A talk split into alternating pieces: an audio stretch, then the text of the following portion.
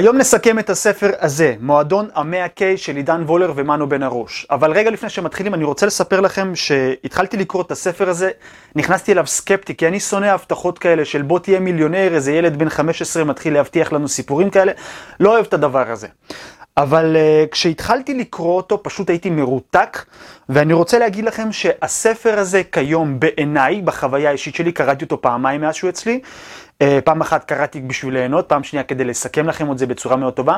אני יכול להגיד לכם מהחוות דעת האישית שלי שהספר הזה לא רואה ממטר את הספר של אבא עשיר אבא עני. בי פאר. אני אומר לכם, שכל יזם וכל עצמאי שרוצה לצמוח בעסק, חייבים ליישם, וזה מתחיל מהדבר הכי קטן שהם צריכים לעשות, מהפעולה הכי קטנה, עד לפעולה שבאמת תכניס להם את המאה אלף שקל. פתיח, ואני מתחיל לגלות לכם כל מה שצריך לדעת איך לעשות את זה. אז יאללה, בואו נתחיל.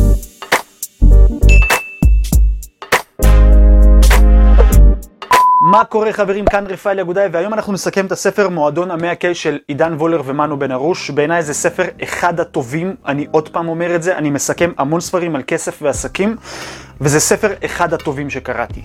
מבטיח לכם שלא תתחרטו ברגע שתרכשו אותו, או שתיישמו את כל מה שאני הולך להגיד לכם כאן בהמשך, ואני רוצה להגיד לכם כבר מעכשיו איזשהו טיזר קטן, יש בונוס בסוף הסרטון הזה. אז תראו, בעיניי הספר הזה לא רואה את הספר אבא עשיר אבא עני, ואמרתי לכם כבר, ואפילו אני יכול להגיד שכמה ספרים מהסדרה של אבא עשיר אבא עני, כי יש כאן דברים שהם פרקטיים, הלכה למעשה, למרות שנכנסתי סקפטי מאוד לסיכום הזה ומאוד בררן, כי אני... המדיה שלנו מפוצצת בהבטחות בוא תהיה עשיר ובוא תיקח את המדריך הזה ובוא תעשה את זה בשביל ליצור לעצמך לייפסטייל. אבל כשקראתי את הספר הזה, קודם כל שהזמנתי אותו, קיבלתי את החבילה וכבר עשיתי סרטון כזה על איך אני פותח את החבילה ואת הספר. אני אשים לכם בפתקית כאן למעלה או בתיאור למטה, בסוף הסרטון תוכלו לראות איך סקרתי את הפתיחה וכל מה שקיבלתי ביחד עם הספר הזה. יש כאן חוויה משלימה מאוד כיפית. אבל אני רוצה להגיד לכם, אחרי שעברתי כמה תהליכים עסקיים, הספר הזה, אפשר להגיד שהוא הלכה למעשה תורה לכל יזם או תורה לכל עצמאי שרוצה להרחיב את העסק שלו וליצור הצלחה מאוד גדולה.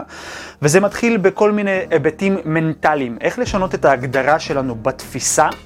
אה, איך להוציא את עצמנו למין מחויבויות של פעולות קטנות ולעשות דברים גם אם לפעמים לא נוח לנו. אה, מהי הגדרה של עסק מתחיל, עסק בינוני, עסק מתקדם ועסק שהוא ממש ענק. איך לעשות את הפעולות בשביל להכניס יותר כסף. יש כאן למעשה פרק שלם שנקרא 17 ערוצי רווח, והוא מסביר 17 דרכים איך לעשות את ה-100K. זה פשוט מטורף. ובגלל שאני עוקב אחרי עידן וולר, אני יכול להגיד לכם שבאמת אני רואה שהוא מיישם את זה, ואני רואה שבאמת זה עבד לו עם כל הקונספט של אריק זאבי, כל מה שהם עשו שם, ואני מכיר אנשים שעברו אצלו תהליכים, אוקיי? אז אני יכול לראות שזה באמת uh, by the book, מה שהוא אומר ככה הוא עושה, וזה מאוד חשוב ברגע שאנחנו לומדים עסקים ממישהו, לדעת שהוא by the book עושה את מה שהוא אומר. ודבר נוסף, אחרי שיש כאן את 17 ערוצי רווח, הוא בעצם עוזר לנו גם לדעת איך ליצור את המודעות האלה. בין אם איך לכתוב טקסטים, קופי רייטינג, איך לבחור את לקוח האבטר, איך, איך לכתוב מיילים, זה פשוט מטורף. הספר הזה זה, זה, זה תנ"ך לעסקים, אני לא מגזים איתכם. אז בואו נתחיל לסכם את הספר, כי אני ממש ממש ממש מקווה שאני אצליח להכניס את כל הספר הזה לסיכום הזה, במידה ולא, אולי יהיה פרק ב', מה אתם אומרים? תכתבו לי בתגובות אם אתם רוצים פרק ב' או לא, בואו. יאללה, בואו. אוקיי, אז אנחנו נתחיל בסיכום, וכמו שאמרתי לכם, אני אחלק את הסיכום הזה לשניים. בהתחלה נדבר קצת על הרובד המנטלי, שבו אנחנו צריכים לפתח את התודעה שלנו, שבו אנחנו מתרחבים והופכים להיות יזמי על, אוקיי? זה לא רק אה, המיומנות שתכניס לנו כסף, אלא אנחנו צריכים בהוויה שלנו להיות כלי יותר גדול כדי להכיל את כל הדבר הזה שאנחנו רוצים להיות, אוקיי? אז יש איזשהו ציטוט שממש נגע בי, והוא אומר ככה: עולם העסקים זה ג'ונגל, ואין שם תור. זאת אומרת, את הלקוחות שלך לא מעניין כמה תעודות תלויות לך על הקיר. אם אתה לא תדאג להכתיר את עצמך למלך הנישה שלך, אף אחד לא יעשה את זה במקומך, כי עולם העסקים זה ג'ונגל, ואין שם תור שבו אתה בא אחרי מי שכבר עכשיו נקרא המלך של הנישה שלך. אתה צריך להכתיר את עצמך, וזו הגדולה פה. הכל נמצא בידיים שלך. אתה רוצה להצליח? זה בידיים שלך. אתה רוצה להיכשל? גם זה בידיים שלך. במה אנחנו בוחרים? זו השאלה הגדולה. הוא אומר, כמו שאנחנו כותבים את הספר הזה עכשיו, הרי הספר לא הלך ויישם את עצמו ושלח את עצמו לבית הדפוס ואז לתפוצות ולכל מי שרכש אותו בעצם. אנחנו קמנו וקיבלנו החלטה לעשות את זה. הוא אומר, וגם אתם, אתם רוצים להשיג תוצאה מסוימת? קומו, קחו אחריות על החיים שלכם ותתחילו לעשות את זה, כי אף אחד לא יעשה את זה במקומכם. תזכרו את זה, הכל נמצא בידיים שלכם. רוצים להשיג תוצאה מסוימת? קומו ותעשו את זה. אני יודע שזה נשמע כזה קצת לעוס והרבה מדברים על זה, אבל בואו נחשוב על זה בהיגיון. אנחנו רוצים תוצאה מסוימת. אני רוצה לשאול אתכם שאלה אפילו מעבר. איפה אתם מדמיינים את עצמכם עד סוף השנה הזאתי? אוקיי? עכשיו שיש לכם את התמונה בדמיון. הרי נניח והתמונה בדמיון נמצאת פה, ואנחנו נמצאים פה. צריך לצמצם את הפער הזה, נכון? עכשיו, כל הפער הזה זה בעצם הפעולות שאנחנו עושים. אותו דבר כמו שבספר, מה שהוא אומר, הדמיון שלו היה שיש להם ספר בעוד איקס זמן. הם נמצאים פה, הם התחילו לגבש את הרעיון, התחילו לכתוב אותו, אחרי זה שלחו אותו לעריכה, לתמלול ולכל מיני דברים כאלה, ואז להדפסה ושלחו אותו, ואז הגיעו לנקודה שהם באמת רצו. אותו דבר ככה אנחנו, אתם רוצים לרדת במשקל, אוקיי, התמונה העתידית שלכם כאן, אתם נמצאים כאן, מה הפעולות שצריך לעשות כדי להשיג את זה? רוצים זוגיות? התמונה הסופית שלכם כאן, אתם כאן, מה צריך לעשות כדי להשיג את זה? רוצים עסק יותר רווחי? התמונה העתידית כאן, אתם כאן, מה צריך כדי להשיג את זה. אוקיי? הבאתי לכם המון דוגמאות, נראה לי הבנתם את הפואנטה, נכון? בואו נעבור הלאה. יש כאן איזשהו משפט שהוא בשבילי ממש אישי, אוקיי? והוא אומר, ברגע שאתה לא מתבייש מהדפיקות שלך, זאת אומרת, מזה שאתה מוזר, מזה שאתה חריג במה שאתה עושה, מזה שאתה בכלל מוציא את עצמך למדיה הדיגיטלית ומתחיל לפרסם כל מיני דברים כאלה, אתה משתחרר משלשלאות של שיח פנימי שכובלות את היצירתיות שלך. למה זה כל כך חשוב? הוא אומר. כי רוב האנשים הם גם כאלה כמוך. הם חולמים כמוך, הם חושבים כמוך, אבל אין להם את האומץ לצאת בפני הקהל הרחב, שהוא במדיה, שהוא בעולם העסקים, ולהגיד, היי, אני כך וכך ואני עושה את זה ואת זה, רוצה לקנות? בוא תצטרף אליי. אין להם את האומץ לעשות את זה. עכשיו, הדבר הכי בעייתי כאן, הוא שהם מבזבזים המון אנרגיה בשביל לכסות את היצירתיות הזו בהמון סיפורים שהם מספרים לעצמם למה לא כדאי להם להתחיל עכשיו, למה אין להם את הציוד הצריך עכשיו, למה אין להם את התקציב כדי להתחיל לפרסם. אז מה שהוא אומר, ברגע שיש לך את הידע הזה להעביר הלאה, תשתחרר מכל האנשים שסביבך ותתחיל לעשות את זה. ברגע שאתה עושה את זה, אין לך מושג, ואני יכול להגיד את זה מניסיון אישי, כן? הערוץ יוטיוב הזה של סיכומי ספרים זה היה חלום, חלום, חלום. אתם לא יודעים כמה חלמתי לעשות אותו. וכששאלתי אנשים, הייתם רוצים להאזין לסיכומי ספרים? אז הם אומרים, לא, למה? אני אוהב לקרוא ספרים. לא שיערתי לעצמי שאני אקבל את כמות התגובות האלה, ויהיה לנו קבוצת וואטסאפ וטלגרם וקהילה בפייסבוק, ואת הערוץ יוטיוב הזה, שפשוט זה תענוג מחלום למשהו שהוא פיזי. ואני כל כך אוהב את הרעיון הזה, כי כל הספרים שאתם רואים מאחוריי בעצם חלקם קראתי, חלקם סיכמתי ויש עוד מלא. זה מאוד חשוב, ברגע שיש לכם איזושהי אמרה לבשר לעולם את המיומנות, את הידע שלכם, את התחביב שלכם, תספרו אותו. ושימו לב, כשאני התחלתי, לא ידעתי שיהיו כאן קהל מעריצים מאוד גדול שהם יאהבו את הסיכומים האלה, אבל אתם רואים שזה קרה וזה מה שהוא אומר כאן בספר. ברגע שאת, שאתם תתחילו לספר את האני מאמין שלכם, אתם תתחילו לראות שכל האנשים מתאגדים סביבכם והופכים להיות קהילה ממש גדולה, שאוהבת את התוכן שלכם, אוהבת אתכם ואפילו מוכנים לרכוש מכם את הדברים הנוספים שתציעו להם.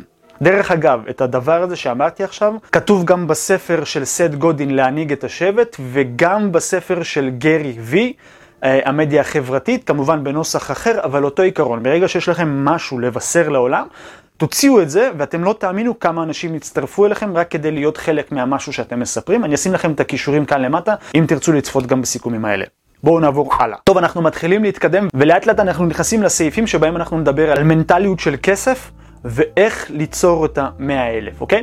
אז עכשיו הוא אומר ככה, הון בכסף זה בסך הכל תוצר לוואי של כמות ההשפעה ובחשיפה מסיבית ועזרה לאנשים.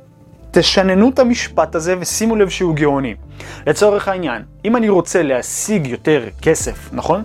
אז המטרה שלי היא להשיג השפעה יותר רחבה, כי ככל שאני אחשף ליותר אנשים, פוטנציאל רווחי יותר גדול, נכון? אז עכשיו נכנסים לציטוט שבו הוא מדבר על שיווק דיגיטלי, ושימו לב, רוב האנשים שעושים שיווק דיגיטלי הם חושבים ששיווק דיגיטלי זה סטוץ. אוקיי? סטוץ במובן של אה, יחס מהיר כזה, נגעת נסעת והלכת, אוקיי? אבל כאן הוא אומר ששיווק דיגיטלי בכלל בנוי על מערכת יחסים שהם לטווח הארוך, ובעל עסק שבאמת רוצה להרוויח סכומי כסף גדולים, צריך לדעת מראש, אוקיי, אני עושה פעולה כזאת והיא מכניסה לי תוצאה כזאת, והתוצאה הזו מייצרת לי איקס הכנסה, אוקיי? זה בעצם המהות של שיווק דיגיטלי בעיניו, ויכול להיות שאני אפילו מסכים איתו, כי שיווק דיגיטלי זה לא רק בוא תיקח את המדריך ויאללה סע, זהו. או שבוא תקנה את המוצר שלי ולך מפה. ההפך, ככל שאנחנו מפתחים יותר מערכות יחסים עם הלקוחות, או עם המתעניינים כרגע, שאחרי זה הם יהפכו להיות לקוחות, אנחנו בעצם יוצרים כאן מערכת אמון שמבוססת על כימיה, וכך הם ירגישו יותר בנוח גם להפקיד בידינו את הכסף תמורת הידע או העזרה שאנחנו נעזור להם לעבור משלב א' שהם נמצאים בו לשלב ב', השלב הרצוי שהם רוצים להיות בו. אוקיי, אז הגענו לחלק המכריע שבו אנחנו מדברים על איך לעשות את זה בפועל. אז הוא אומר ככה, השלב הראשון בכל ביזנס זה להצליח לייצר רב מכר אחד. אוקיי? שימו לב, רב מכר אחד, זאת אומרת זה מוצר או שירות שנמכר בכמויות, אוקיי? שנמכר בכמויות והוא ממש סיפור של מותג מצליח, אוקיי? מבוסס על עדויות, מבוסס על תוצאות, מבוסס על אה, רכישה המונית וכל מיני דברים כאלה שמצדיקים את הרב מכר. אז בואו נתחיל בטיפ הראשון, איך באמת לייצר את המאה, אוקיי? אוקיי, הוא אומר ככה, תלמד אנשים אחרים לעשות את מה שאתה יודע כבר. זאת אומרת, אם הגעת לרמה מסוימת בעסק שלך, נניח ואתה משווק דיגיטלי, אוקיי? אתה משווק דיגיטלי ויש לך ממש תוצאות טובות ולקוחות מרוצים ואתה הגעת למצב מצב שבו אתה נמצא בשיא של המיצוי של המקום שאתה נמצא, אוקיי, המקפצה הבאה שלך זה לקחת אנשים שבאמת רוצים ללמוד, להיות כמוך או לפתוח סוכנות דיגיטל שבה אתה מלמד אותם את כל השלבים, אוקיי? מה צריך לעשות. אבל נניח ואתה גם מאמן כושר, או יועץ תזונה, או מנחה לביטחון עצמי. הגעת למצב שאנשים מכירים אותך, יש לך כבר רב מכר ואתה ממש מוכר. רב מכר, כן, זה לא רק ספר, שלא תתבלבל. רב מכר זה איזשהו מוצר מבוקש שהוא נמכר בכמויות. אה, ואנשים ממש מכירים אותך ונהנים מהתוכן שלך ויש תוצאות, וכמו כל מה שאמרתי מקודם, אז אוקיי, אתה עכשיו יכול לפתוח נישה חדשה בתוך התחום שלך, ולהגיד, אוקיי חברים, מי רוצה? אני מכשיר אנשים להיות כמוני. זאת אומרת, העתק הדבק שלך בגישה דומה, אבל עם אנשים אחרים. זאת אומרת, אתה יכול לפתוח בעצם אה, הנחיות, איך להיות אה, מורה כמוך, איך להיות מאמן על כמוך, איך לפתח עסקים כמוך, איך להיות סוכן דיגיטל כמוך. אתם מצליחים להבין? הרעיון הוא להעתיק את עצמך לעוד ועוד ועוד אנשים. כמובן שבמקום הזה יש אנשים שיגידו, אה, אני לא רוצה לחשוף את השיטה שלי, אני מיוחד. מיוחד במה שאני עושה, אבל בואו נחשוב ביזנס. הרעיון בזה שאנחנו משכפלים את עצמנו, הוא ענק. בעצם אנחנו נמצאים עכשיו, נניח עוד פעם, אני מנחה לביטחון עצמי, יש לי קליניקה ואני מקבל לקוחות. אז יש איזשהו רף מסוים שבו אני יכול לעבוד על שעתית עם בן אדם, אוקיי? אני לא יכול לקבל מעבר לאותם אנשים שאני יכול להכיל באותו יום.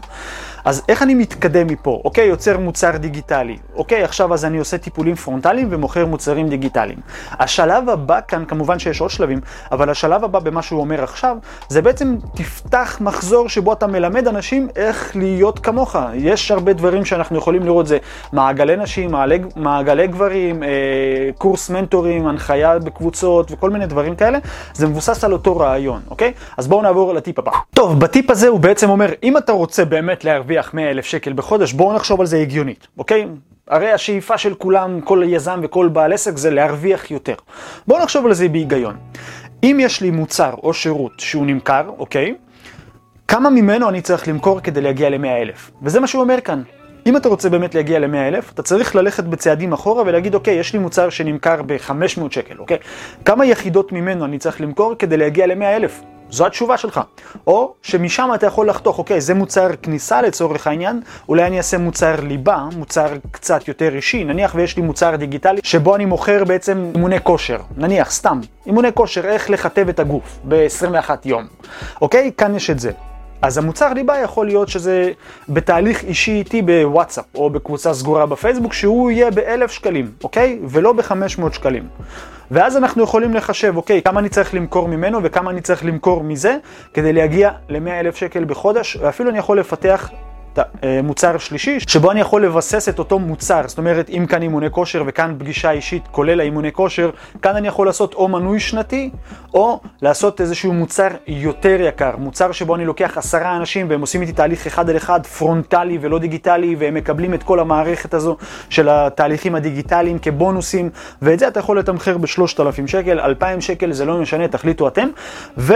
ואז לעשות שקלול, אוקיי, מזה כמה אני רוצה למכור, מזה כמה אני רוצה למכור, ומזה כמה אני רוצה למכור, ואז אתה יכול להגיד, אוקיי, את זה בחודש אני צריך למכור X פעמים, את זה אני צריך למכור X פעמים, ואת זה X פעמים, אז כמה מעמדי מכירה אני צריך לעשות בחודש?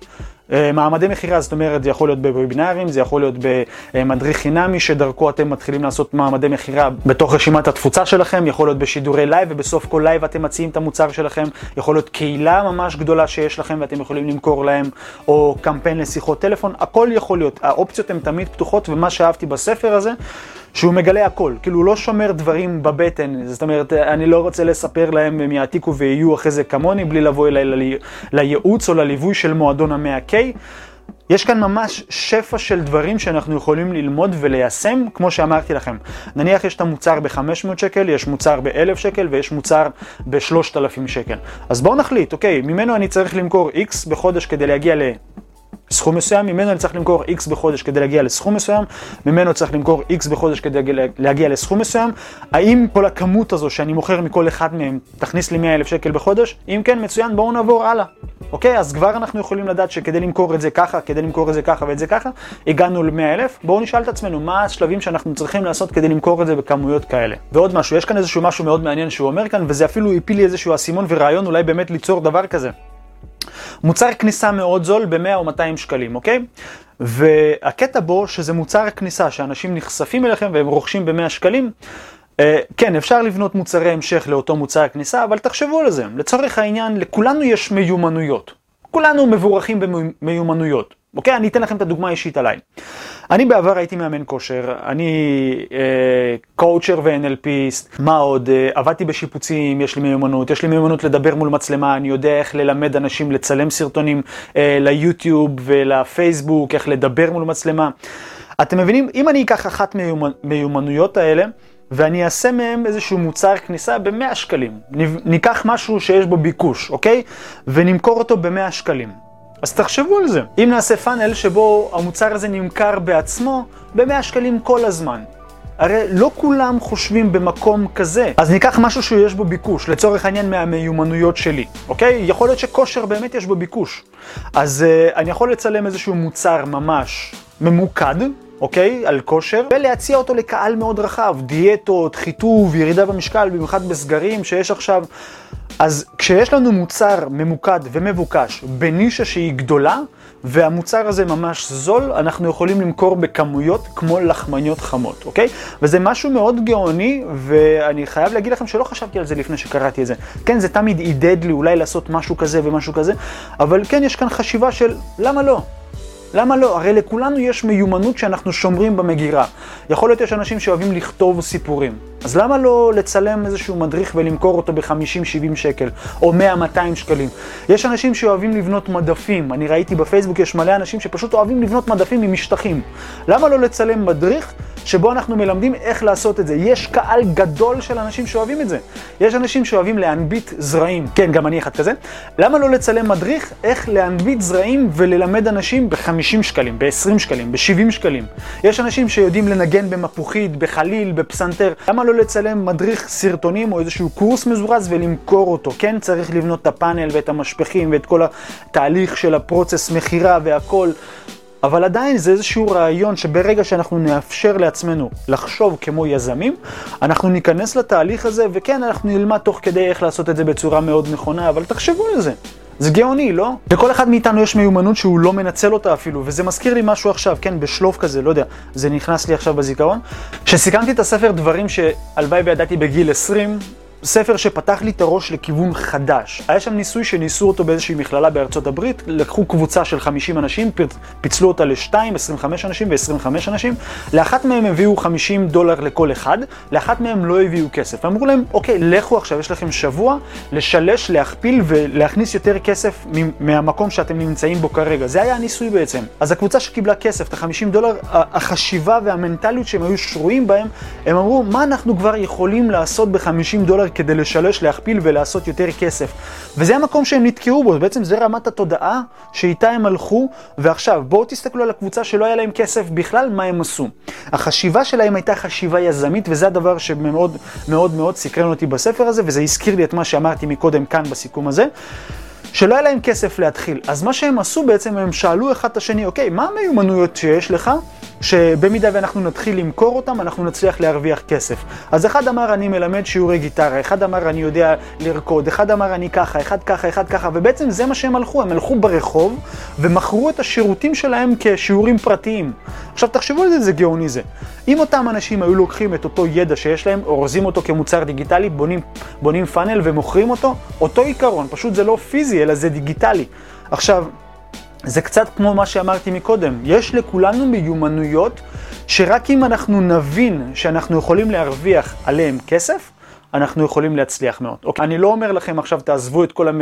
את כל הידע שיש לכם בעסק עצמו, אלא אם אתם יכולים לקחת את המיומנות שלכם ולגבש אותו על השיטה העסקית שלכם וליצור מתוך זה עוד מקורות הכנסה, זה יעזור לכם מאוד.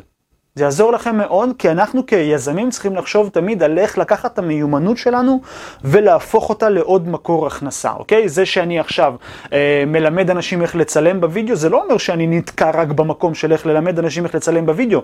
יש לי עוד דברים שהם קשורים ליצירת תוכן בווידאו, אבל שהם לא רק איך ללמד אנשים, אלא אני יוצר בעוד כמה פרויקטים, אני מצלם לכם את הסיכומי ספרים, אני לוקח את המיומנות הזו והופך אותה לכל מיני רבדים אחרים, כדי ליצור לי כמה מקורות הכנסה. דרך המיומנות הזו, וזה אחלה. אם יש לכם מיומנות, תנסו לחשוב איך אתם מכניסים עוד כסף דרכה. אוקיי, אז תראו, הטיפ הבא בעצם אומר שכל פעולה שאנחנו יוצרים בעסק שלנו, היא בעצם אנחנו בונים מכונה. עכשיו בואו ניכנס קצת לחשיבה של הנדסת מכונות. בן אדם שבונה מכונה, הרי הוא שם את הרכיב הזה פה כדי שהרכיב הזה יפעיל את הרכיב הבא והרכיב הבא ייצור לו תוצאה מסוימת, אוקיי? אז כשאנחנו בונים עסק, אנחנו בעצם בונים מכונה שצריכה לקלוט בצד אחד אנשים ובצד שני להמיר את זה לכסף. כמובן ש... תוך כדי יש לנו את התמורה, אנחנו נותנים להם יותר מערך ממה שהם השקיעו בכסף, וכמובן שיש שם חוויית רכישה והכל כמו שצריך, שלא יישמע לכם נצלני כזה, נכנס בן אדם ולוקחים לו את הכסף וממשיכים. לא על זה אני מדבר, אני מדבר על הערך שאנחנו נותנים לו, ובתמורה לזה הוא מוכן לשלם בשביל להגיע לצד השני שבו הוא שואף להיות. אז כל הדבר הזה שאמרתי עכשיו זה מכונה, אוקיי? לנו יש מוצר, אוקיי? אנחנו אורזים את המוצר הזה בכל מה שהוא צריך, המנגנון הדיגיטלי, בין אם זה אתר קורסים, בין אם זה סרטונים, אחסון והכל, לוקחים את זה ומתחילים לבנות פאנל. פאנל שזה משפך שיווקי. איך נכנסים לשם אנשים, אוקיי? מה השלבים שהם עוברים עד לרכישה, אוקיי? ואז התפקיד שלנו בעצם זה לבדוק האם אותה מכונה עבדה, אוקיי? או לא עבדה. אם משהו לא עובד, לחשוב איך אני יכול לשנות את זה כדי ליצור תהליך יותר קל, גם בעיני הלקוח וגם בעינינו, וכל פעם לחשוב על איך להוזיל את העלויות של הפרסום, על איך להוזיל את העלויות של הלידים. המטרה שלנו היא לבחון את המכונה שאנחנו בונים, שזה המשפך, שזה העסק שלנו, וכל פעם לייעל אותו וליצור חוויה יותר טובה, שתכניס יותר כסף לעסק, כי בלי כסף בעסק אנחנו לא נצליח לפזר את השליחות שלנו ולגעת בכמה שיותר אנשים.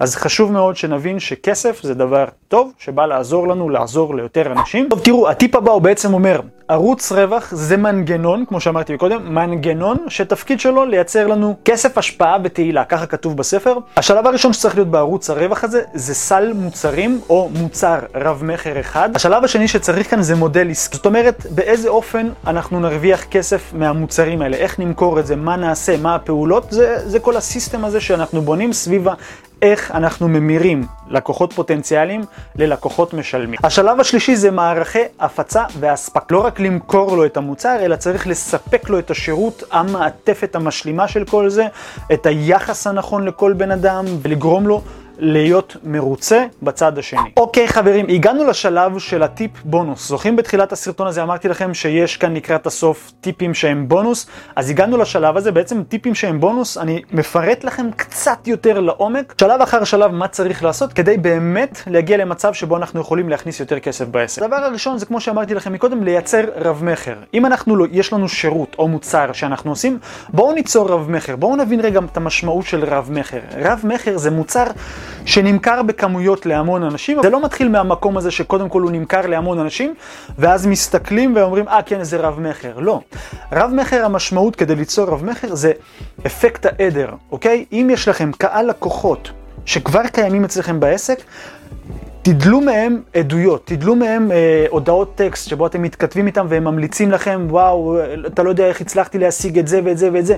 כל דברים כאלה זה עדויות, זה אפקט הוואו, שבאמת יכול לעזור לכם לגרום לאנשים אחרים להגיד, וואו, באמת הדבר הזה עובד, אני רוצה להצטרף ולהיות חלק מהדבר הזה. ברגע שהצלחתם להחדיר את החשיבה הזו לאנשים שצופים בכם במדיה, בעזרת התמונות עדויות, בעזרת הסרטוני עדויות שאנשים כבר ממליצים עליכם, זה הופך אתכם לרבה מכר, וכמובן שהמכירות צריכות להיות בהתאם לזה, ולא רק ליצור עדויות ועדויות ועדויות בלי למכור כלום.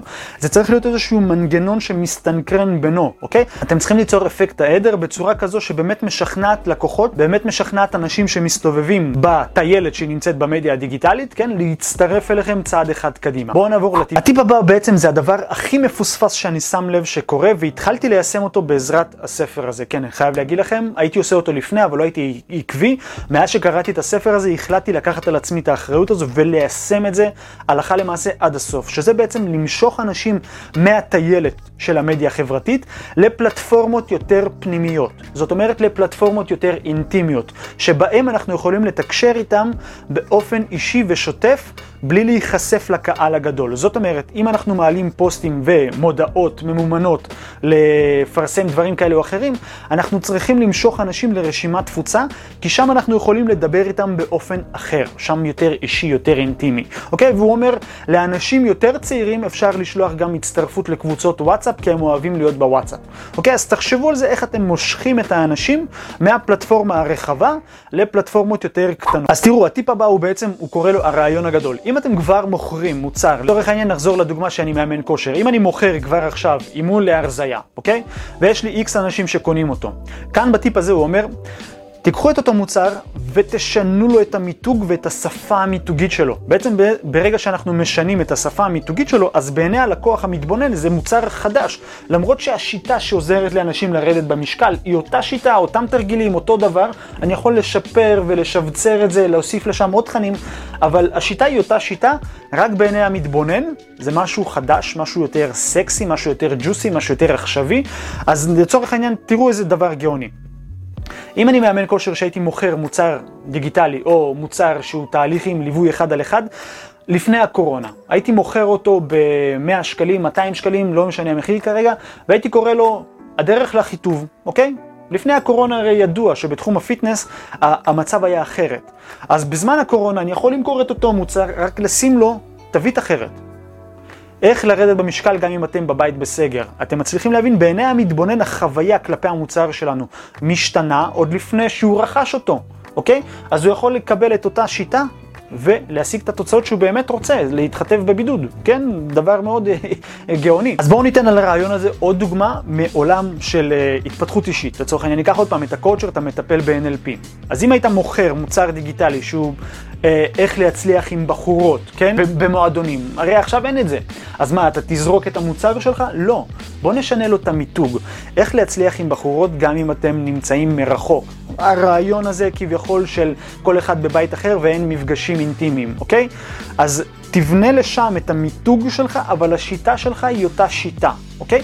המיתוג משתנה וגורם לאנשים הפוטנציאליים להיחשף לרעיון החדש הזה, זה דבר מאוד גאוני. והוא קורא לזה בספר אפקט העילה, כי זה משהו שהמוח שלנו גורם לנו לחשוב שיש כאן משהו חדש ועוצר איזשהו כזה, וואו, זה משהו חשוב שאני רוצה באמת להיות חלק ממנו. והחוויה היותר טובה זה שהוא חושב שזה אפילו שווה יותר ממה שהיה לפני זה או מכל דבר אחר. ברגע שאנחנו ממדגים את זה תודעתית אצל הבן אדם בצורה חדשה. והדגש כאן זה יעבוד רק אם אנחנו לוקחים את המוצר שלנו וממתגים אותו בשם סקסי וחדש, כזה שהלקוח שלנו עוד לא שמע, כן, לא להיות אה, קיצוניים ולקרוא לזה בשמות הזויים, כן, אה, אלא משהו שהוא מדבר לשפה של הלקוח שלכם, אבל במשהו שהוא עוד לא נחשף אליו. יש כאן עבודה מאוד רצינית, אבל זה ישתלם לכם, כי זה אחד הדברים הגאונים שיש כאן. אוקיי חברים, אז אני רוצה לחזור קצת למילים שאמרתי לכם בהתחלה. איך אני הרגשתי את זה? הרגשתי את זה פשוט שהספר הזה יהיה ממש גדול בשביל לסכם אותו בסרטון אחד, וכאן אני רוצה להשאיר את המקום הזה בשבילכם.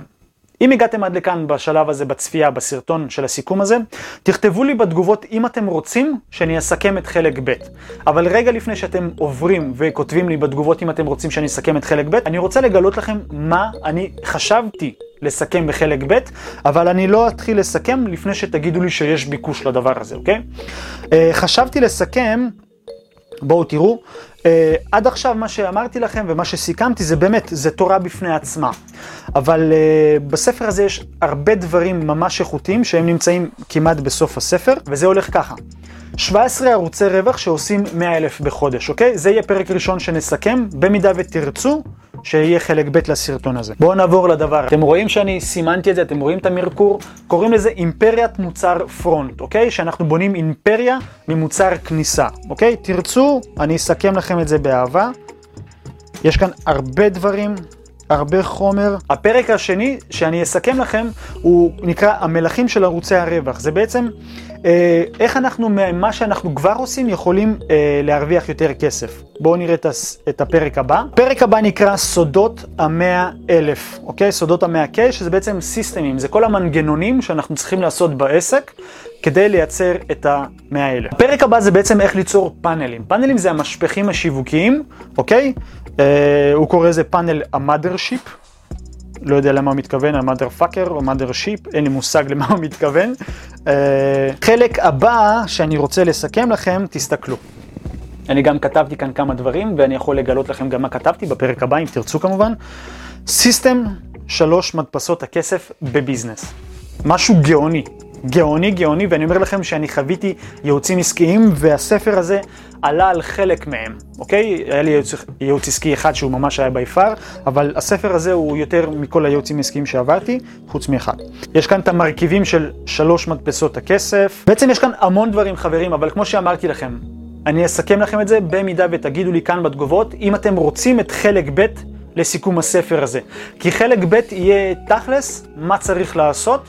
אה, שלב אחר שלב, לפי כל התיאור שהבאתי לכם של מה שאני רוצה לסכם בחלק ב'. אז זה משהו שאני באמת מבקש מכם לעשות. אם אתם רוצים את הסיכום הבא, תבואו לי כאן בתגובות ואני אסכם לכם. אוקיי, מכאן יש לי שתי בקשות אליכם, סופר חשובות חברים. אחד, תצטרפו למועדון סיכומי הספרים שלנו בוואטסאפ. בעצם אני מגלה, לפני שאני מעלה לערוץ היוטיוב, מה אני הולך לסכם בשבוע הקרוב, ונותן טיפים מתוך הספר, זאת אומרת ציטוטים ותמונות כאלה. ממש מעניין להיות שם, אז בואו תצטרפו אליי, אנחנו בעצם גודלים וגודלים בקבוצת הוואטסאפ הזה, וממש כיף לי שאנשים מצטרפים לשם. דבר נוסף חברים, לא נראה לכם ששכחתם משהו אם הגעתם עד לכאן בסרטון הזה?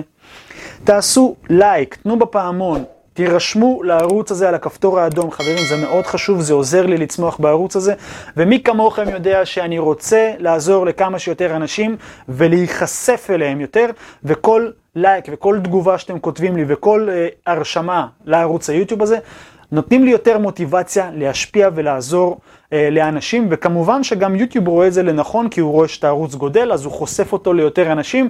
אני חושב שהסברתי לכם קצת יותר מדי על למה חשוב להירשם. יאללה חברים, תירשמו לערוץ ואנחנו נתראה בפרק הבא, ולא לשכוח להגיב לי כאן למטה אם אתם רוצים סיכום ב'. ביי ביי.